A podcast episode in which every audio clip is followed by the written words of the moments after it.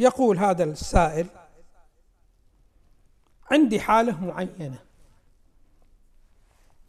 ما هي هذه الحالة المعينة؟ يقول إذا قرأت بعض الأدعية أو بعض الموضوعات مثلا لو قرأت حول القدرة الإلهية يمر علي في المفردات التي أقرأها اسم القادر في القرآن مثلا أو في الموضوع الذي أقرأ فيخطر في ذهني شخص اسمه عبد القادر.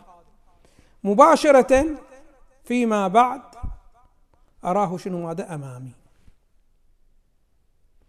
فلماذا هذه الحالة تحصل عند الإنسان؟ شخص من الأشخاص يقول لك أنا أقرأ بعض الموضوعات. واضح شلون؟ يتبادر إلى ذهني معنى من المعاني مباشرة بعد ما أنتقل من موضعي هذا إلى موضع آخر. ألاحظ ماذا؟ ألاحظ هذا الشخص الذي كان خاطر في ذهني الآن شنو ماذا أشاهده في الواقع الخارجي بهذه الصورة بهذه الطريقة. أو هذه اللي عند الناس كثير تحصل بين كثيرة الحصول وبين شنو ماذا؟ قليلة الحصول.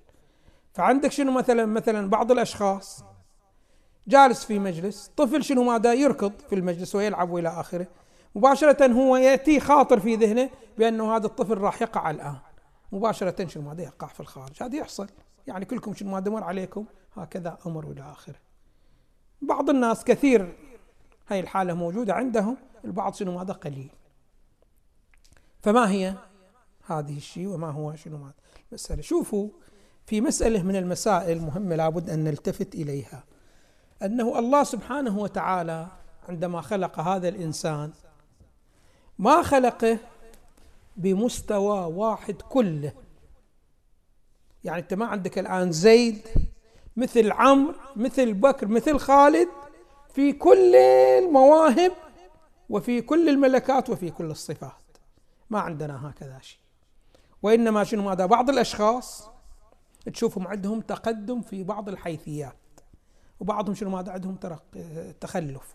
مثلا شوف الآن أكو بعض الأشخاص تقول له شوف فلان يطالع فلان.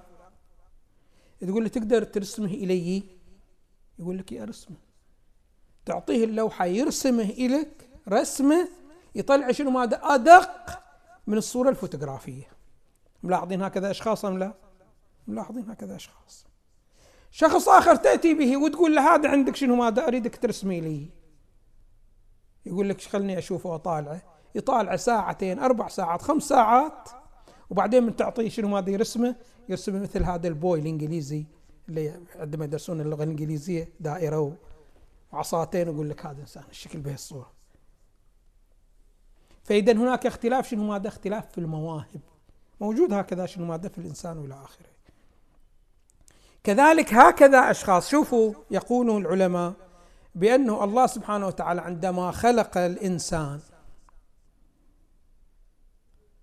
خلق الإنسان بعد عالمين من العوالم. والإنسان مر في ذلك العالمين حتى شنو ماذا صار في هذا العالم.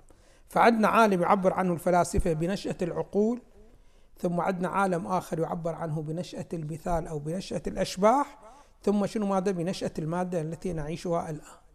يقولون كل حدث من الأحداث يحصل في الدنيا هنا لا بد أن يمر أولا بهذه النشآت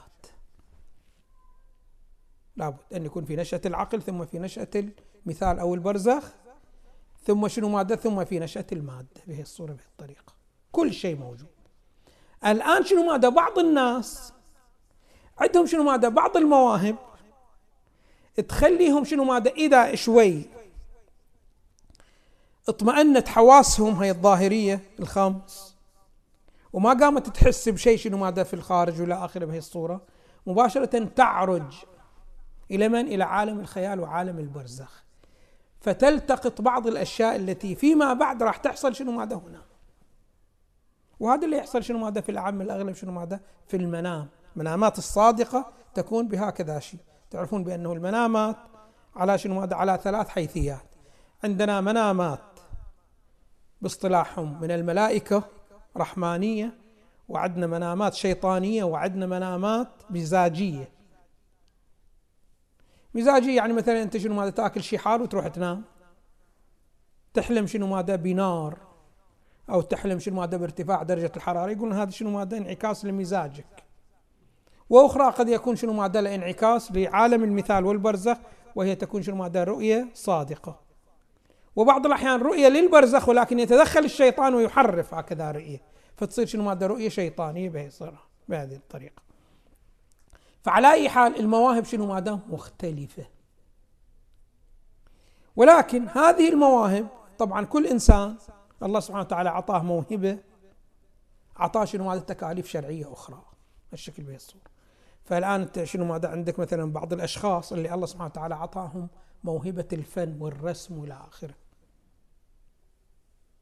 يستطيع أن يستفيد فيه في الأمر الإيجابي ويستطيع أن يستفيد من شنو ماذا؟ في الأمر السلبي مثل الأموال إذا الله سبحانه وتعالى أعطاك هذه المواهب. فهذه على أي حال شنو ماذا؟ مواهب مختلفة. فما في شنو ماذا؟ أي مشكلة أنه إنسان قد توجد عنده هكذا موهبة وهو الاتصال بالعوالم الملكوتية. واضح شلون؟ وعليه أن يستفيد من هذه الملكة ومن هذه الموهبة في الجهات التي يوجهها الشرع له. هذا بالنسبة إلى هذا السؤال.